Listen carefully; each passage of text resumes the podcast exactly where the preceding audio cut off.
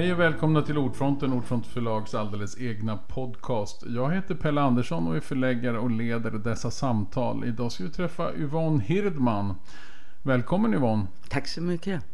Du har precis släppt boken Mellankrigstider.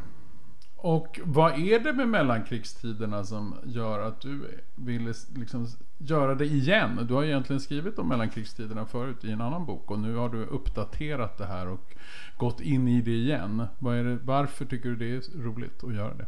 Eller spännande? Därför att det är en väldigt viktig period i mm. svensk historia. Mm. Det är liksom slutet på gamla fattig-Sverige som det var och det är början på det som man lite slaskigt kallar för folkhem. Mm. Eh, början, nota bene. Det är alltså två decennier från slutet på första världskriget fram till precis början av det andra. Mm. Man kan tycka att det är lite kort tid, men det hände så otroligt mycket under den här, de här mm. två decennierna. Hur mycket var den liksom färgad? Hur länge var det färgat av det första kriget innan liksom nästa krig kom? Alltså, levde man i skuggan av kriget väldigt länge? Eller? Ja, det där tycker jag är en så spännande mm. fråga, liksom, just det där efteråt, efter de stora krigen. Att det borde, liksom, människor borde vara förlamade av denna, denna katastrof mm. som första världskriget innebar. Eh, men det finns, det finns en dansk historiker som talar om granatchockskulturen som kommer. Att man liksom glömmer. Mm. Eh, så att det är ju först 1929, nästan tio år efter Versaillesfreden, som Erik Maria Remarque kommer ut med den här boken, du vet, På västfronten mm. intet nytt. Så att 20-talet eh, tar ju vid. Det är klart att de spår som kriget satte, det handlade ju om Eh, hela det här kommissionsväsendet, ransoneringar som hade varit första gången som någonsin i det här landet. Som hade kanske varit lite klumpiga och byråkratiska och så. Och det här fick ju en viss betydelse då för såna här mera glada tankar hos arbetarrörelsen att socialisera och så. Mm. Ett slags eh, kommatecken att tveka lite. Mm. Men ändå på 20-talet är ju en väldigt spännande tid eh, som vi ofta, vi och vi, men som ofta glöms bort. Därför att man koncentrerar sig liksom på 30-talet när arbetarrörelsen, eller rättare sagt Socialdemokraterna får regeringsmakten. Eller får och får, ja, de mm. får regeringsmakten. Så tenderar 20-talet och, och de reformer som man då hade att falla i glömska. Mm. Och de reformerna, vad, vad, vad, bestod de av då? I först, ja, till, i exempel, där, till du har ju mm. dödsstraffets avskaffande. Mm. Eh, du har en ny skolreform som gör att det blir lite mer demokratiskt. Eh, och en allmän humanisering överhuvudtaget som börjar komma. Det är nu vi får barnavårdsmän. Jag mm. menar, det är ingen liten grej. Med tanke på att innan dess, liksom, om du blev ogift mor och födde ett barn så fick du själv på något vis lösa det där. Lösa det mm. och du fick inte något understöd av pappan eh, om han inte var snäll. Mm. Så att säga.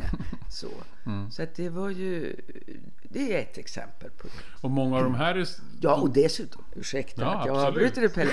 Men en sak som verkligen är, är, präglar, eh, det är ju att kvinnor fick rösträtt. Mm. Äntligen. Senast, sist i Norden. Mm. Men ändå. Så att 1921 är, kan man säga, det första riktigt demokratiska val som vi har i det här landet. Och kommer många av de här äh, liksom, reformerna, kommer de fram på grund av att arbetarrörelsen och kvinnorörelsen ligger på också den här borgerliga innan sossarna har tagit över, liksom fått makten på riktigt? Eller vad är det som gör det här? Eller är det i efterbörden av kriget att man känner att man måste göra andra saker? Eller vad, vad tror du det är? Ja, men det är ju demokratiseringen som börjar ja. och det är klart, det är inte bara arbetar eller Socialdemokraterna som står för Nej. det, utan det är i hög grad Liberalerna. Mm. Eh, så att, eh, och som du säger också, eh, efter kriget, mm. det blir liksom en omvältning. Ja, precis. Man måste tänka annorlunda. Ja. Det hade inte gått så bra dittills. Liksom, Alla var ju inte så helt nöjda med den demokratiska reformen. Högern står ju och svajar under mm. 20-talet lite grann. Mm. Bondeförbundet.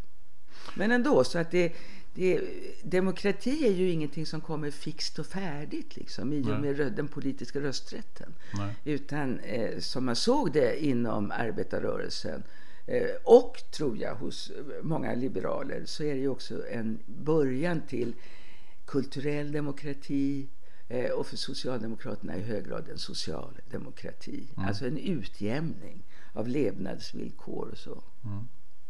Och när man har tittat på den här tiden tidigare, vad tycker du man kan se nu då? Även om det inte är så länge sedan du tittade på den senast. Händer det mycket i historiesynen? Eller liksom, har man beforskat det här så mycket så det nästan är svårt att se nya linjer eller nya saker i mellankrigstiden? Ja, men det, mm. det kan man nog kanske säga. Mm. När, man började, när jag började redan 1979 så mm. skrev mm. jag en bok om svensk arbetarrörelse. Mm. Och redan då så såg jag ju liksom hur vissa händelser måste tas med. Mm. Jag insåg plötsligt liksom att historia består av ett skelett av händelser som man inte som man kan aldrig ta kan bort. gå runt? Nej. nej. man kan ju inte nej, det, va? för de ligger där. Jag menar, det var val 1911. Det var stor lockout 1909. Mm. Det var ett världskrig 1914. Jag mm. menar, det är sådana där hårda fakta, så att säga. Mm. Bestämda händelsernas tyranni, som jag kallar det för. Mm. Och som, som gör att kronologin liksom vävs efter det, eller sätts på efter mm. det. Va? Men sen kommer ju, och det kan man se just när det gäller Sveriges moderna historia, sen kommer ju då olika, först kommer den politiska historien och ta reda på hur det var verkligen med alla regeringar och 20-talets hoppande majoriteter och så vidare. Sen kommer med på 60-talet och 70-talet med det nyväckta intresset liksom för, för sociala frågor och socialism så kommer ju en tyngdpunkt på fackföreningsrörelsen mm. socialhistoria. Mm. Eh, och sen då i e, efter det så kom lite argsinta kvinnor och menade att socialhistoria var verkligen inte bara om manlig fackföreningsrörelse. Nej. Utan det var också kvinnor, inte bara inom arbetarrörelsen men överhuvudtaget kvinnohistoria. Mm. Eh, och sen kommer, ja, Ja, men så kulturell historia och så? Alltså, var, ja, kommer det något? Nej, nej, jag tycker inte nej, det. Nej. nej, det tycker jag inte. Det är som det finns en slags eh, å, stark åtskillnad. Mm. Att det blir då litteraturhistoria ja. eller konsthistoria och man väver inte ihop det med det, varför gör man inte det då? Ja, Eftersom de ofta det? sitter ändå hänger ihop lite. Ja. Mera. Men det är för att kanske också att litteraturhistorien är ett så stort ämne och litteratursociologi och så. Att de tycker precis. att de är sig själva nog och där ja, finns det där. Ja, alltså, det på något sätt. Ja. Mm. Men vilka, vilka sådana där då, som du skulle säga, vilka är det här skelettet i mellankrigstiden? Då? Vilka händelser är det som man inte kan gå förbi? Det... Du kan inte gå förbi den ekonomiska depressionen efter första världskriget. Nej. Du kan inte gå förbi arbetslösheten på 20-talet. Du kan inte gå förbi, förbi AK-eländet. Eh, Vad är AK-eländet? Ja, ja, det var en institution som hette Arbetslöshetskommissionen. Och det mm. som blev eländigt med det, det var ju att de löner, alltså de skulle hjälpa de arbetslösa med eh, någon form av arbete. Mm. Och de lönerna skulle alltid ligga lägre än den lägsta grovarbetarlönen. Okej. Okay. Vad, vad hände mer då, förutom AK-eländet och det du redan har räknat upp? Vad var det mer? Ja, sen mm. har du hela den politiska historien med de hoppande minoriteterna, så att säga. Mm. Regeringar mm. som avlöste varandra och så vidare. Det var svårt att få någon slags stabil regering. Det måste man ju ta med. Ja, det måste man ju plocka med, liksom. Hur såg mm. den politiska historien ut? Och sen kommer du in på 30-talet mm. och där är ju de bestämda händelserna, de står ju liksom i neonljus. Okay. Du kan inte hoppa över Ådalen 31. Nej, det går bara inte Nej. liksom. Då får du stryk. Mm. och sen har du ju då... Jag har aldrig försökt hoppa över Ådalen 31. Ja. Eh, och sen har du ju då naturligtvis hur, hur, hur Socialdemokraterna kommit till makten mm. och den motion som Wigfors eh, arbetade fram 1930 och som blev valpropaganda eller valprogram 1932 och som handlade just om en ny ekonomisk politik som mm. till skillnad från AK i ländet skulle då vara att man skulle betala riktiga löner mm. och det skulle vara ett riktigt arbete. Mm. Viadukter till exempel. Mycket viadukter var ja. Och sen har ju då den stora eh, befolkningsfrågan, krisbefolkningsfrågan, det måste du ta med självfallet. Så. Mm. Försvarsfrågan, den politiska historien, du mm. har flyktingpolitiken, du har judepasset, du mm. har de här protesterna så, mot precis. att låta eh, judiska läkare komma till Sverige. Mm. När studenterna protesterade då på våren eller vintern 1939 och så vidare. Mm. Allt det där måste du plocka Precis. med. Och vad är det då? Och sen står det då nya fakta eller ny tolkning och pressa på och vill mm. också ta plats i mm. det här. Och det är ju framförallt det faktum då att eh, Sveriges befolkning består av två kön mm. fortfarande. Mm. Mm. Och det är där som sen och, blir ja, alltså hur, hur ser... omförhandling gång på gång på gång. Kan man säga det? om förhandling vet jag inte riktigt. Mm. Men, men eh, du har ju liksom, hur ser en demokrati ut där inte kvinnor är representerade? I mm. regeringen fanns de överhuvudtaget inte med. Nej. I riksdagen är de en minoritet under hela mellankrigstiden. Mm. Från de här fyra, fem som kommer in 1921. Mm. Och dessutom som kanske inte alla heller lyssnade på hela tiden. Det har man väl också förstått att även de som kom in var inte heller alltid välkomnade. Eller? Nej, det kan man väl lugnt säga. Mm. Men en poäng då med att använda genus som mm. ett redskap för att liksom få syn på att det här spelar en roll även politiskt, mm. även i händelser som verkar helt befriade från kön. Mm. Det är ju att man tittar på den föreställningsvärld som finns i människors eh, huvuden. Mm det, det självklara, det som jag kallar för genusordningen, relation mm. mellan kön. Mm. Denna självklarhet, liksom att mannen skulle försörja och kvinnan skulle gifta sig och vara hemma och föda barn. Denna banalitet mm. och hur den då präglar politiken, mm. den ekonomiska politiken. Jag menar, mm. hjälpa försörjaren och så vidare. Den sociala politiken, hjälpa modern hemma, barnbördshus. Den, en, och, och, så den, det försök då som gjordes att bryta mot det här stereotypa tänkandet, det kom ju faktiskt från eh, Alva Myrdal i stor utsträckning. Mm.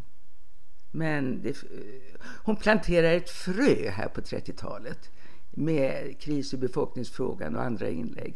Ett frö som handlar om en mycket mer fri värld för kvinnor att leva i som, som först på 60-70-talet börjar bli en verklighet. Mm. Och när man nu tittar på, tycker du, du att du blir ännu tydligare i det här när du nu har skrivit om mellankrigstiden en gång till? Eller vad är det som känner att du drev? Att, vad är det du vill liksom ändra? Eller Ser du något själv? Du har liksom gått för långt eller? Nej, det är, själv? Nej, det är snarare så att jag vill liksom understryka mm. eh, vissa analyser som jag har gjort som, mm. som handlar om 30-talet. Du vet synen på 30-talet, den har ju liksom åkt berg och dalbana. Först var det liksom bara oh Sweden, the middle way. Mm. Oj vad bra vi var. Mm. Eh, och sen kom ju då den stora kritiken i slutet på eh, förra seklet mm. mot eh, svensk eh, ja, mot socialpolitiken och dess förkvävande hand som lades på människor. Mm. Att lägga livet till rätta. Det har jag själv skrivit om. Mm. eh, som visade just på den här patriarkalismen som mm. fanns. Mm. Eh, och som man kunde förundras över. Eh, men där har jag ju liksom tänkt om två eller tre gånger liksom. och sett att vad som sker på 30-talet är att en medicinsk modell, vetenskaplig modell när det gäller socialpolitik, när det gäller bidrag till människor läggs över en gammal patriarkal struktur. Mm. Att man vet helt enkelt. Man har, man har inga problem med att tala om för människor, som Gunnar Myrdal gör, att de måste lära sig att äta tomater och borsta tänder. Nej, och, och, så vidare. Så, och att det ändå är, var en väldig, vad ska vi kalla det för, upphöjning mm, ändå. Precis, ja. Eh, utav de villkor som människor levde under. Mm. Och de här, det här att man ändrar sig och, håller, och att man ser på tiden som är ändå samma tid med de här skeletten på olika sätt. Är det, är det så det fungerar hela tiden inom forskningen och inom historien? Att Jag liksom tror att det är framförallt mm. när det gäller modern historia, mm. framförallt i vårt land, eller det kanske pågår i andra länder också, mm. det känner jag inte till så mm. väl. Men man använder det som eh, politiskt slagträ. Mm. Och där kan man behandla historien lite som man vill. Mm. Eh, och det har vi ju sett. Och det gäller ju då framförallt Alltså det som är unikt med den svenska historien, moderna historien, som verkligen är unikt. Jag kommer ihåg att Rudolf Meidner sa det att Sverige är det mest extrema landet i världen. Mm. Va, sa jag, som var liksom indoktrinerad. Här som är så lagom ja, och härligt. Ja visst, mellanmjölkens land och så, och så vidare. Men han hade ju rätt alltså. Mm. För det, vi hade ju den starkaste arbetarrörelse överhuvudtaget i världen. Mm. Och det eh, växer fram under, under hela 1900-talet. Och under efterkrigstiden så har du alltså ett samhälle där arbetarrörelsen är som ett stort träd. Mm. Med den politiska grenen, med den fackliga grenen. Men du har ju också liksom RESO, du har Broderskapsrörelsen. Kooperationen. Kooperationen, alltså, kvinnorörelsen höll jag på att glömma, vilket är en skam. Du har mm. SSU. Jag menar, allt fanns allt, där. Fanns där. Mm. Så. Och är det det sen som gör att... Det, det, ja, just ja. det. Och det, det, precis. va. Mm. Man började tala om eh, den socialdemokratiska hegemonin, mm. maktfullkomligheten, pamparna, mm. fack, fackpamparna och så vidare. Mm. Va? Eh, så det här blir ju grogrunden för det som vi fortfarande lever i. Mm. Liksom. Det här med att man och där kan man ju ge Rudolf Meidner rätt igen. Liksom. Mm. För att istället för att liksom försiktigt fundera på nå, det här kanske inte var så bra i längden. Mm. Det här kanske man ska ändra på lite grann. De här systemen kanske har gått i stå. Mm. Så vänder man liksom... Kastar ut hela liksom, ja. barnet med badvattnet. Barnet med mm. badvattnet. Mm. Och, och det lever, säger du, fortfarande i? Men, och är det också, var det så att det var ett politiskt projekt också? Har det här spets på? Eller har det liksom, Vilket? alltså att helt enkelt, alltså fanns det också från höger då ett sätt att använda det här? Att det gick för långt? Eller, menar, Vilken alltså, tid tänker du nu Jag på? tänker på hela den här, eh, kanske inte just mellankrigstiden, men det här socialdemokratiska projektet. Du sa att det fanns ju ändå brister här. Det förstorades de och självklart. användes de ja, ja, de användes. Och det började ju på slutet på 80-talet mm. och 90-talet var ju ett sånt eh, decennium också. Mm. Där man började jämföra den svenska eh, socialpolitiken, framförallt är det steriliseringspolitiken, mm. lagen från 1934 och som sen ändrades 41.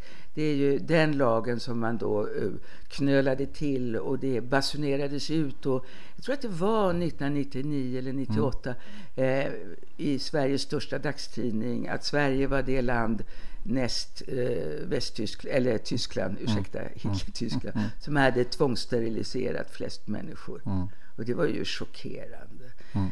Så att ja, resultatet utav detta det har blivit att just den här politiken är det mest genomforskade som finns i mm. modern svensk historia. Mm. Så där har vi på fötterna när vi sen kan säga att detta var inte sant. Nej. Men att det förekom grava övertramp. Mm. Men att det inte var ett led i den svenska socialdemokratiska socialpolitiken. Nej.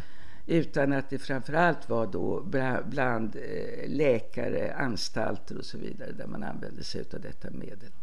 Men kunde vi också se så småningom att det här var ju också ett kvinnopolitiskt krav. Mm. Alltså det här är någonting väldigt märkligt att abort mm. är alltid liksom så tabuiserat. Mm. Men, men eh, medan däremot sterilisering kunde man tänka sig väldigt konstigt. Mm. Märkligt. Mm. Men då tänker man också så här, tycker du att det är så fortfarande idag att historien används? Liksom, blir det mer och mer så att det används som ett slags slagträ? Eller man hittar sina, alltså det är så här cherry picking. Man hittar saker i historien som man kan använda mot ja, varandra. Ja, men det gör man nog. Jag, jag, kan inte och... gradera om Nej. det blivit mer eller mindre. Mm. Men vi har ju sett att Sverigedemokraterna försöker att tvätta av sig mm. sin nazistiska eh, sitt förflutna. Sitt nazistiska förflutna genom att hänvisa till att Socialdemokraterna var lika precis. illa. Och det är fullständigt groteskt. Mm. Men det skapar sådana här memers, myter som faktiskt lever. Mm. Och det lever ett starkt liv. Och det är faktiskt en av anledningarna också till att jag, att jag ville eh, ta fram och skriva om eller skriva igenom den här historien en gång till och få ut just de här två decennierna i en samlad form. Mm. Och när du tittar på historien, hur, hur vad tycker du liksom skiljer en riktig historiker då? För det, det, det du handlar om är om på något sätt också försöka ändå skriva så som det var. Och hur, hur kommer man dit? hur, hur kan man skriva historien så som den faktiskt var? Eller yttersta... Alltså försöka göra det så långt det går i alla fall. Ja, ja men det är ju att inte blunda för fakta. Mm faktasparkar, mm. som Gunnar Myrdal brukar säga. Mm. Nej, jag gillar det. Eh, de är ju där ovedersägligen. Liksom. Mm. Sen är det ju analysen då som kan variera. För jag menar, det ibland när man då tar fram fakta så kan ju den peka i en riktning som man absolut inte vill. Eller hur? Jag menar, det så, kan det ju vara. Ja. så kan det vara. Mm. Men en sak som, som jag tror att eh, som historiker så ska man liksom på något vis tala om vad man gör. Mm utifrån, nu har inte jag gjort det i den här boken eftersom det är en sån här generell historiebok mm. så att säga. Mm. Men annars till exempel om man skriver en avhandling eller någonting sånt, så ska man redovisa sina redskap och sin analysmetod. Mm. Så det ska vara liksom ett genomskinligt bygge. Mm. Eller? Och i den här boken när du då går tillbaka och så här, du har också valt personer som du tycker är extra viktiga eller är det mer att de skildrar en specifik tid eller att de är vad är det, Nej, de, men vad det är, är de här personporträtten att, som du har lagt in? Varför ja, finns men det är de väl mera, Ibland kan historia bli väldigt tråkigt va? det tycker jag aldrig. Nej, i och för sig. Nej, men man kan, behöva, mm. man kan behöva bryta det här, eh, den här strukturella nivån mm. med att plocka in en människa. Mm. Så det har vi gjort nu. Mm. Efter varje kapitel så mm. har jag valt någon som på något vis är från den tiden. Och helst också någonting som den personen har skrivit. Mm. Ett litet stycke, det är väldigt kort. Mm. Men ta till exempel efter första världskriget eh, så har jag plockat in Elin Wägner. Mm. För hon, hon var ju en av dem då som såg eh, Europas elände. Mm. Hon var med om att skapa Rädda Barnen och åkte till Wien. Och så har jag plockat med då en artikel som hon skrev i Dagens Nyheter mm. om eländet i Europa 1919. För att få tidsfärgen, liksom, mm. så att man förstod. Är det annars också svårt att försöka komma tillbaka till den tiden och hur man tänkte då? Det är så lätt att kanske sätta sig i efterhand och titta på världen och döma den. Alltså, för vi tycker att vi är här vi är så kloka nu, 2023. Ja, ja. men det är ju det. Och hur, det, hur försätter menar, man sig i 1923 då? Ja, men precis. det där är väldigt intressant. För att mm. om du, du tänker dig sådana här historiska romaner till exempel. Om mm. du går tillbaka till 1600-talet, då kan du fabulera fritt på något vis. Men om du går tillbaka till 1900-talet så måste du ändå vara lite försiktig. Mm. Nej, jag vet inte man ska, jag tycker inte att historia ska vara ett område där man håller på och moraliserar över vad människor gjorde förr i världen. Nej. Jag tycker historia, och det är det främsta med historia, det ska vara att man förstår mm. varför någonting hände. Mm. Och varför sen kan man tycka man att det där var ju verkligen skit. Mm. Eh, eller det där var fantastiskt. Mm. Men eh, man måste förstå omständigheterna, mm. verkligheten som de levde i, mm. tankarna som fanns just då, böckerna man läste. När du tittar då på den här tiden, mellankrigstiden, är det något som är svårt att förstå då? Eller förstår du vad jag menar? Är det liksom, var det några ja, ta, ta kvinnounderordningen mm. till exempel. Ta det faktum att kvinnor liksom fortfarande knappast fick lönearbeta. Mm. Att de fick slåss för att bli Ja, präster var ju inte tal om förrän på 50-talet och så vidare. Va? Så att det, var, och det fanns en oerhörd oginhet mot att mm. kvinnor skulle lönarbeta. Framförallt när det var arbetslöshet. Liksom. Och det var ju de här fasta föreställningarna. Mm. Ja, det är klart att man kan uh, hålla på och moralisera kring det, men det leder ju ingenstans. Utan Nej. det är mycket bättre att man förstår hur det fungerade. Mm. Och och se också vilka som ändå, mitt i denna självklarhet, inte tyckte att det var självklart. Och få fram de här mm. små... Mm. Lyfta dem. Ja, just det. Ja. Undantagen liksom. Mm. Och se. Ja, du nämnde Elin Wägner. Var hon då också en, var hon en ensam lysande fyr? Eller hade hon liksom en grupp runt sig som också... Elin Wägner bottnade ju i den kvinnliga rösträttsrörelsen. Mm. mm. Och hon är ju en del utav Fogelstadgruppen. Eh, liberala kvinnor som Ada Nilsson och Honorine Hermelin med flera. Liksom. Och de startade ju dels den här folkhögskolan Fågelsta men också tidskriften Tidevarvet. Mm. Bara Tidevarvet är en sån underbar titel. Liksom. Absolut. Till skillnad från Morgonbris. som var de socialdemokratiska kvinnornas tidning. Ja. Tidevarvet visar ju på anspråket de hade. Mm. Att de skulle vara en del av det hela. Så de finns ju där under hela mellankrigstiden. Hon, Elin Wägner, hon var ju en del utav de radikalpacifistiska kvinnor som på hösten 1935 startade den här aktionen Kvinnornas vapenlösa uppror mot kriget. Mm. Och Barbro Alving Bang, journalisten ni vet, mm. hon var då hängiven Elin Wägner och försökte sprida det här. Och det gick helt enkelt ut på att kvinnor överallt i hela Europa som svar på kriget skulle vägra att gå ner i skyddsrummen om de blev bombade. Mm. Det ganska var en, hårt sagt. Ganska ja. hårt och det här är innan Guernica. Mm. Så att det var en aktion som bara dog ut så att säga. Mm. Och Barbro Alving då? Det är ja, också en person också som... Med. Ja, precis. Henne är mm. också med. Mm.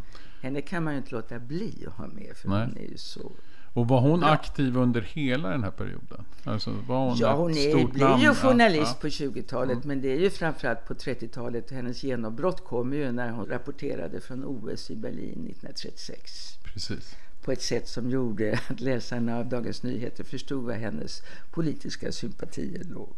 Mm. Men sen så tog hon sig också ner till Spanien när det spanska inbördeskriget började. På eget bevåg. Och de skildringar mm.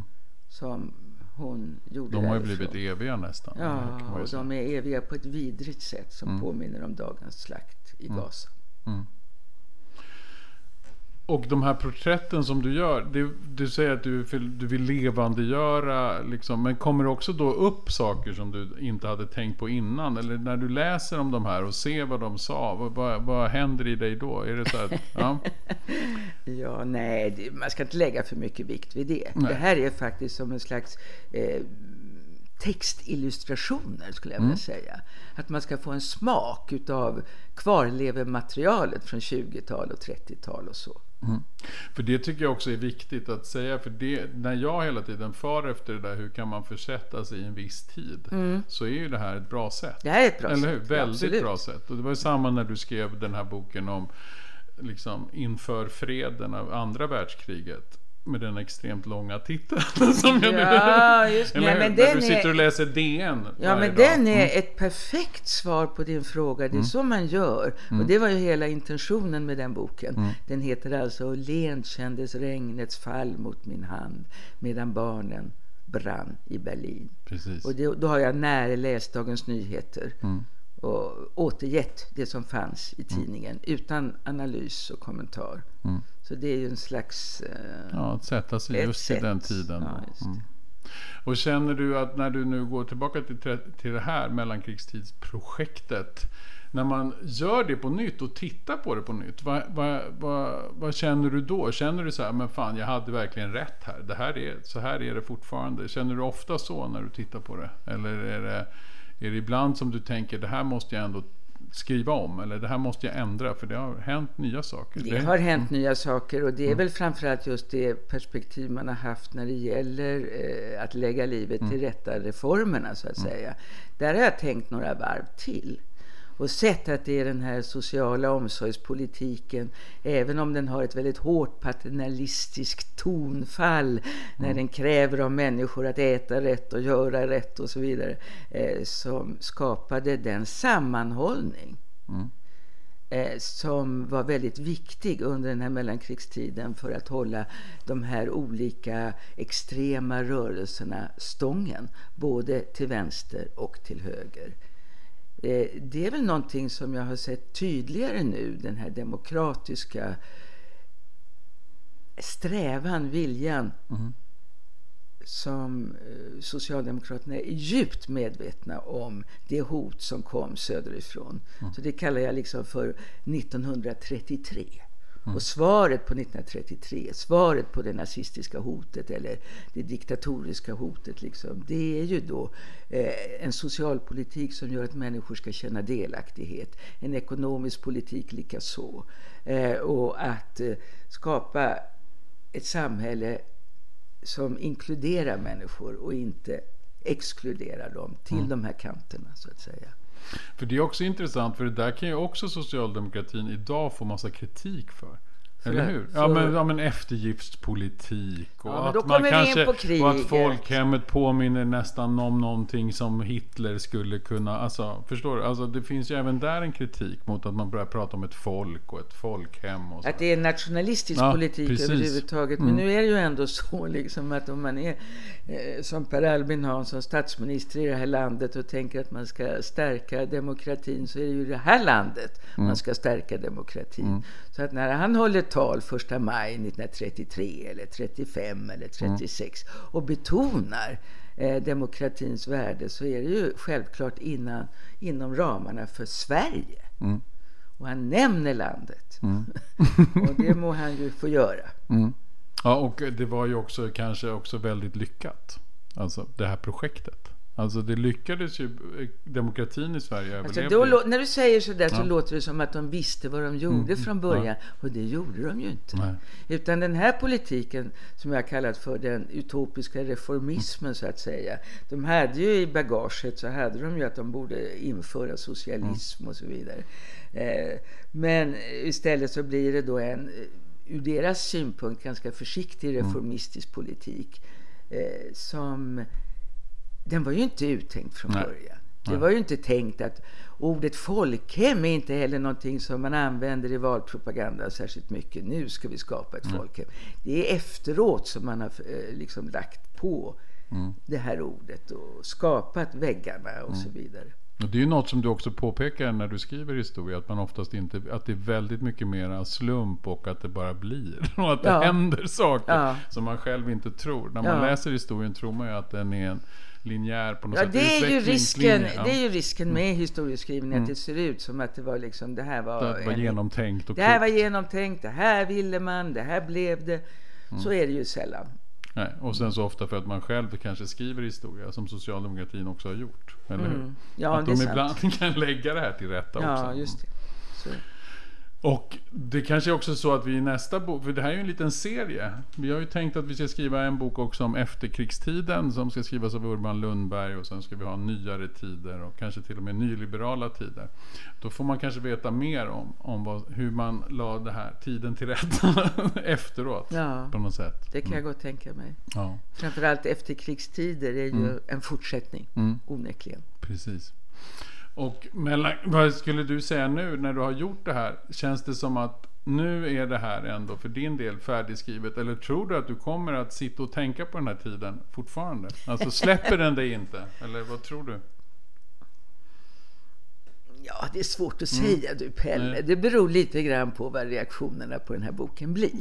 om du måste gå Om jag måste igen. gå in i det igen eller om vi kan låta den här lilla tegelstenen, nej det är det inte. Den här lilla boken blir som den är. Ja. Eller, vi får se. Men du är nöjd nu, eller hur? Det känns som att den. du är väldigt nöjd nu. Jag är nöjd ja. med den. Ja. Det är jag. Jag tycker den blev väldigt bra. Ja, det tycker jag också. Det blev otroligt bra. Och jag tycker också det är roligt att man får så mycket. Alltså just de här också, att du la till alla de här porträtten. De har gett väldigt mycket tycker jag. Även om de är korta och så. Så får man den där tidskänslan som man kanske ibland saknar. Mm. Tack så hemskt mycket Yvonne Hirdman för att du kom hit till Ordfronten och pratade om mellankrigstider. Varsågod. Och tack för att du har gett ut boken här hos oss. För det är vi väldigt stolta och glada över. Tack. Det var allt för Ordfronten för den här gången och vi återkommer snart med nya härliga avsnitt. Ha det så bra. Hej då.